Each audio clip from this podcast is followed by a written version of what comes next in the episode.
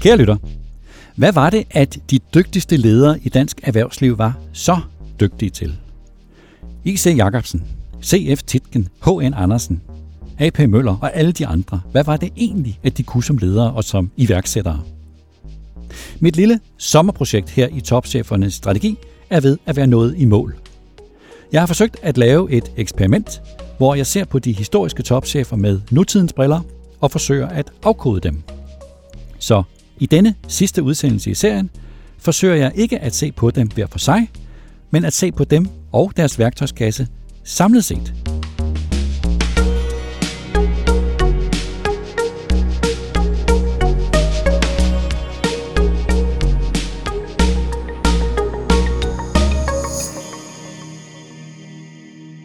Men allerførst, inden at jeg forsøger at se på deres sådan mere konkrete ledelsesværktøjer, hvordan var de så som ledere?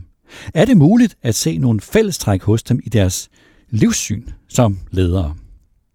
Jeg er helt med på, at der er mange forskelle, men alligevel, det er altså sjovt, synes jeg, at iagtage de her mennesker på så mange års afstand, og så se, at der er klare ligheder, ikke bare imellem dem, men også med nutidens ledere, og især med nutidens ejerledere. Mit bud er, at de historiske erhvervsledere havde en meget klar ledelsesmæssig profil. De var ukulige, de mødte stærk modstand i deres samtid, men de blev ved, og de overvandt modstanden. De havde stærke værdier, personlige, menneskelige værdier, og de var optaget af at forankre deres værdier i virksomheden og dens kultur. Det var en opgave, som de var særdeles opmærksom på. De havde en enkel tilgang til det med at drive forretning, og de udtrykte sig på en måde, som var nem for deres medarbejdere at forstå. De forfaldt ikke til floskler eller til at gøre tingene unødvendigt komplicerede. Når det galt beslutninger, så var de som regel inde over alle beslutninger. Ingen detaljer var for små. De havde et enormt drive og også en ekstremt stor ansvarsfølelse, og det udmyndtede sig blandt andet i, at de ville sikre sig, at alt gik præcis sådan, som de ønskede det. De ville gerne se deres virksomhed vokse, selvfølgelig, men det skulle være en kontrolleret vækst. Det skulle være en lønsom vækst. Og selvom de var særdeles villige, nogle af dem, til at løbe risici, så ville de ikke løbe så store risici, at de kom til at gøre virksomheden sårbar. I deres selvforståelse, så var de iværksættere og ejerledere mere end de var forretningsmænd. De var fabrikanter, de var sat i verden for at skabe noget, for at skabe produktion og arbejdspladser.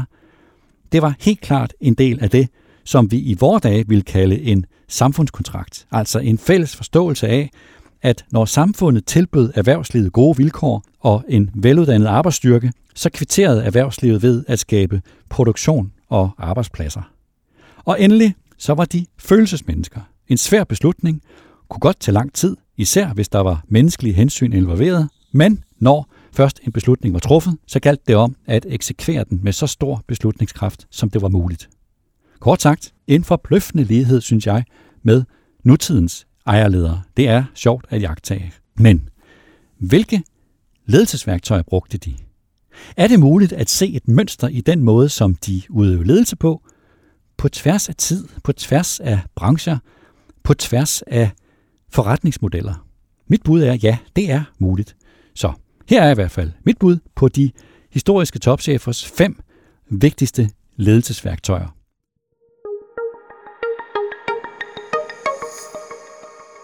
Det første ledelsesværktøj vil jeg kalde Se nye muligheder i en krise. Flere af de historiske erhvervsledere havde en evne til at forstå og udnytte de nye muligheder, der opstod i en krise. Jens Severin Jørgensen gjorde det, da han var drivkraften i dannelsen af Fællesforeningen for Danmarks Brugsforeninger, FDB, tilbage i 1896.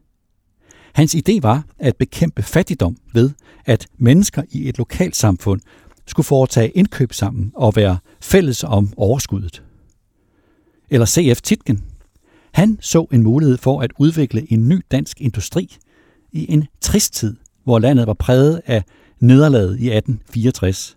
Og han så de nye muligheder, der åbnede sig inden for ny teknologi, og han så de nye muligheder før alle andre. Og så var der Anders Nielsen, den i dag helt ukendte landmand, der var med til at samle landmændene i en tid, hvor de var presset af den nye tids kapitalisme. Han var, Anders Nielsen, en drivende kraft i det, der blev til andelsbevægelsen, og han skabte en platform for landbruget, som stadig er robust, og som understøtter nutidens fødevareindustri. Og der var også Ole Kirk Christiansen, der var en arbejdsløs tømrer, der simpelthen af nød gik i gang med at lave legetøj af trærester, han fik fra de lokale erhvervsdrivende, for at kunne forsørge sin familie. Og ud af 30'ernes alvorlige økonomiske krise skabte han Lego. Og så var der A.P. Møller, skibsrederen, der udnyttede en uventet økonomisk krise i 1920 lige efter den første verdenskrig. Alle regnede med, at der ville komme et økonomisk opsving efter krigen, men i stedet gik det helt modsat. Der kom en krise, og A.P. Møller udnyttede sine konkurrenters sårbarhed i krisen, dels fordi han var mere robust end dem i kraft af sit livssyn om rettidig omhu, dels fordi han forstod de særlige dynamikker i shipping bedre end dem. Og det var der, at han for alvor gav sine konkurrenter baghjul og rykkede op i sin egen kategori. Det lyder svært det her med at se nye muligheder i en krise, men de her mennesker gjorde det. En krise, den åbner nye muligheder og fremmer innovation, også her i vores uforudsigelige tid, hvor vi er ramt af corona, af krigen i Ukraine og af en stigende inflation. Jeg er ikke i tvivl om personligt, at nogle af fremtidens store virksomheder bliver skabt i den her tid, skabt af nye ledere, som har den særlige evne, at mens vi andre er optaget af krisen og dens mange problemer, så ser de nogle nye muligheder, som de bruger til at tænke nyt og til at udvikle nye forretningsmodeller.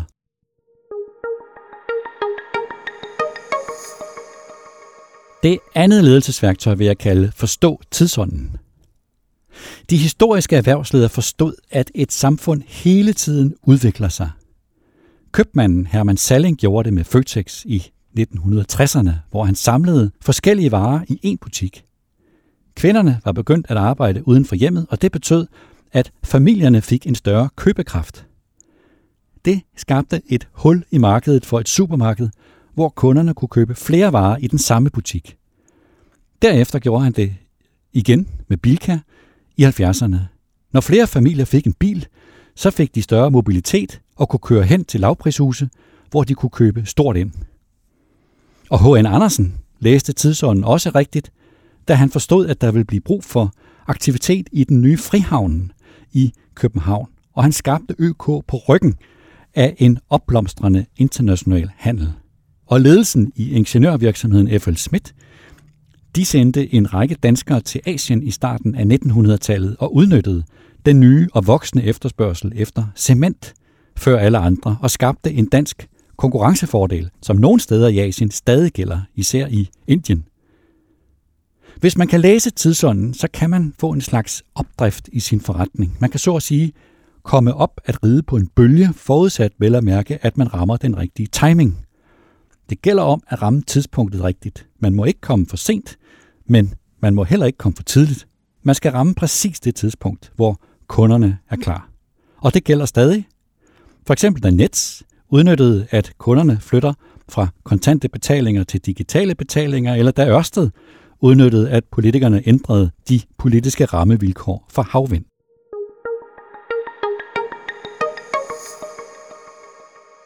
Det tredje ledelsesværktøj vil jeg kalde sørg for at have et formål. Det er højeste måde at tale om, at en virksomhed skal have et samfundsnyttigt formål. Vi taler om purpose, om stakeholder value, om CSR, om bæredygtighed, om ESG osv. Det er, synes jeg, sjovt at se, at de historiske ledere var gode til det mange år før det blev moderne. Mads Clausen, der grundlagde Danfoss, han ville skubbe til grænserne for energieffektivitet. Det var Danfoss, der udviklede radiatortermostaten, og senere kompressorer og frekvensomformere, alt sammen energibesparende. Og Jens Severi Jørgensen ville, som nævnt, styrke det folkelige fællesskab med FDB, og så det som et erklæret åndeligt vækkelsesprojekt. Ægteparet August og Marie Krog ville hjælpe patienter med den livstruende sygdom sukkersyge, og de var med til at grundlægge Novo Nordisk med afsæt i det formål, og det er stadig det formål, der gælder for Novo Nordisk. Paul Du Jensen, stifteren af Grundfos, som jeg slet ikke nåede at få med her i podcasten, men som absolut også er værd at kende, han ville bidrage til, at mennesker kunne få rent drikkevand, og det er stadig det formål, som Grundfos ledes ud fra. Og Lego har jo i flere generationer vildt stimulere børns leg og læring osv. osv. Listen af virksomheder med et erklæret formål er forbløffende lang, når man kigger efter. Og det er interessant, synes jeg, at de her samfundsnyttige formål, de har vist sig at være langtidsholdbare. Mange år senere, så har de her virksomheder samme formål. De har ændret sig i fortolkningen måske, især i takt med teknologien, men den sådan helt grundlæggende ambition er uændret mange steder. Med et formål, så kan man tænke langsigtet, sætte en strategisk retning, som er nem at forstå for medarbejderne, og som giver dem en stærk motivation. Og som de kan bruge som en slags kompas i en situation, hvor de skal træffe hurtige og svære beslutninger på deres egen hånd. Det er vigtigt, det har jeg jo lært, at understrege, at det ikke nok at have et erklæret og smukt samfundsnyttigt formål. Det dur kun, hvis en virksomhed og dens ledelse evner at forankre formålet i en robust og kommersiel forretningsmodel. Det er det, der er den store udfordring, at få de to ting til at falde i hak, så de understøtter hinanden. Det er svært, og det er nok det, der forklarer, at så mange af de her historiske topchefer fik så stor succes, at de lykkedes med netop det. Sådan, at deres virksomhed blev så stærke, at de kunne klare sig i konkurrencen i mange år.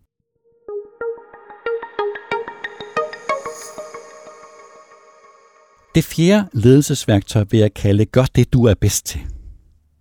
De historiske iværksættere og ejerledere var stærkt optaget af kerneforretningen. Godfred Kirk Christiansen Lego, han tænkte i dybden, ikke i bredden. Han fordybede sig hele tiden i kerneforretningen, som var klodsen af plastik, og det forretningssystem, der var rundt om klodsen. Lad være med at gå ind i noget, som du ikke har forstand på.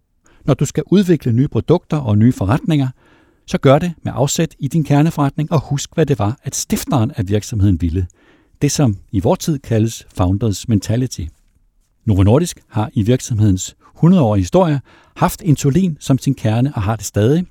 Og når det nuværende Novo Nordisk i de her år er ved at udvikle sin teknologiske platform for at gå ind i tilstødende sygdomme, så gør de det med afsæt i de kompetencer, som de har brugt så mange år på at udvikle. I Grundfos lavede de først mekaniske pumper, så elektriske pumper, og nu digitale pumper, men kerneforretningen er den samme. Så fordyb dig i kernen, det er der, du finder din fornyelse. Du bør kun gå ind i nye forretningsområder, hvis du kan tage dine kendte kompetencer eller konkurrencefordele med dig.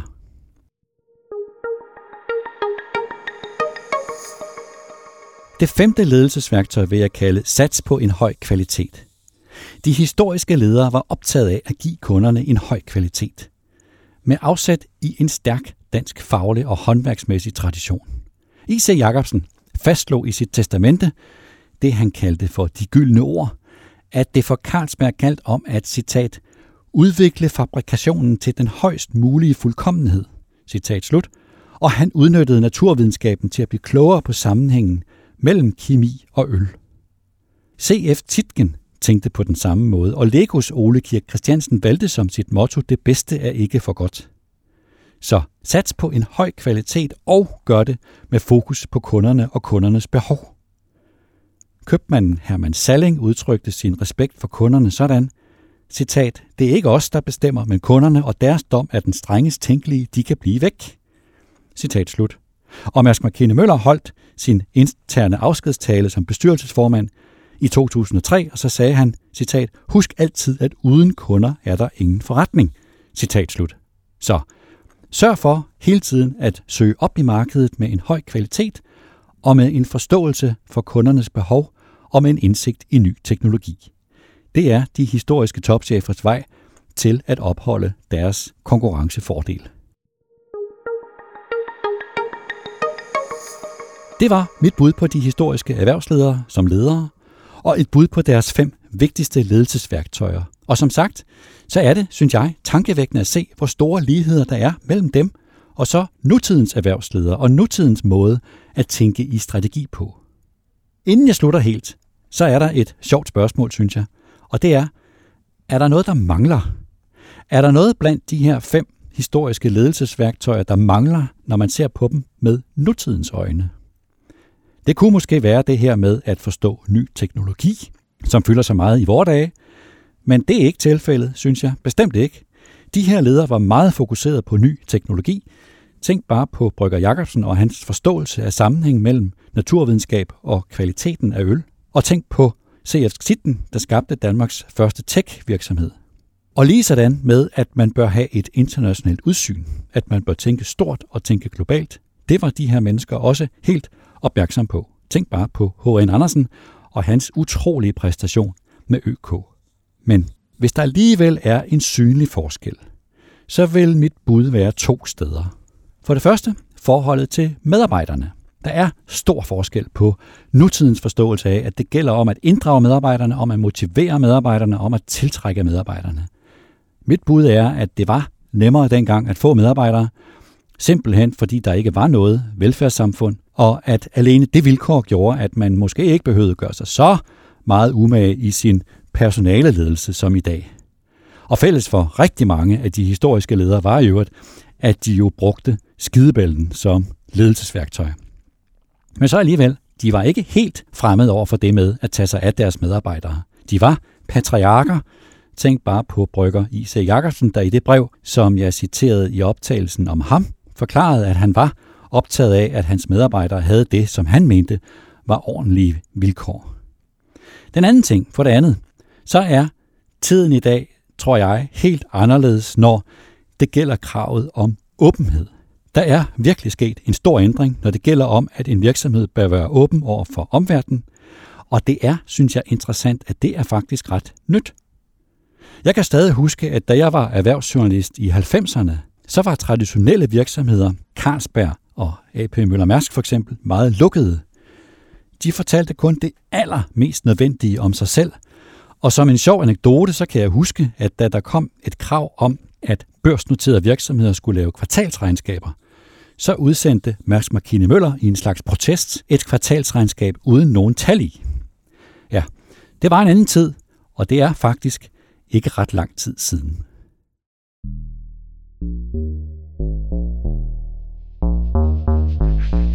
Og så, kære lytter, nåede vi i mål. Det var afslutningen på denne lille sommerserie om de historiske topchefer i dansk erhvervsliv og om deres ledelsesværktøjer. Tak til børsens utrættelige Peter Emil Witt, der redigerede udsendelsen. Tusind tak, Peter Emil. Tak til dig, der lyttede med, og have en fortsat fantastisk sommer.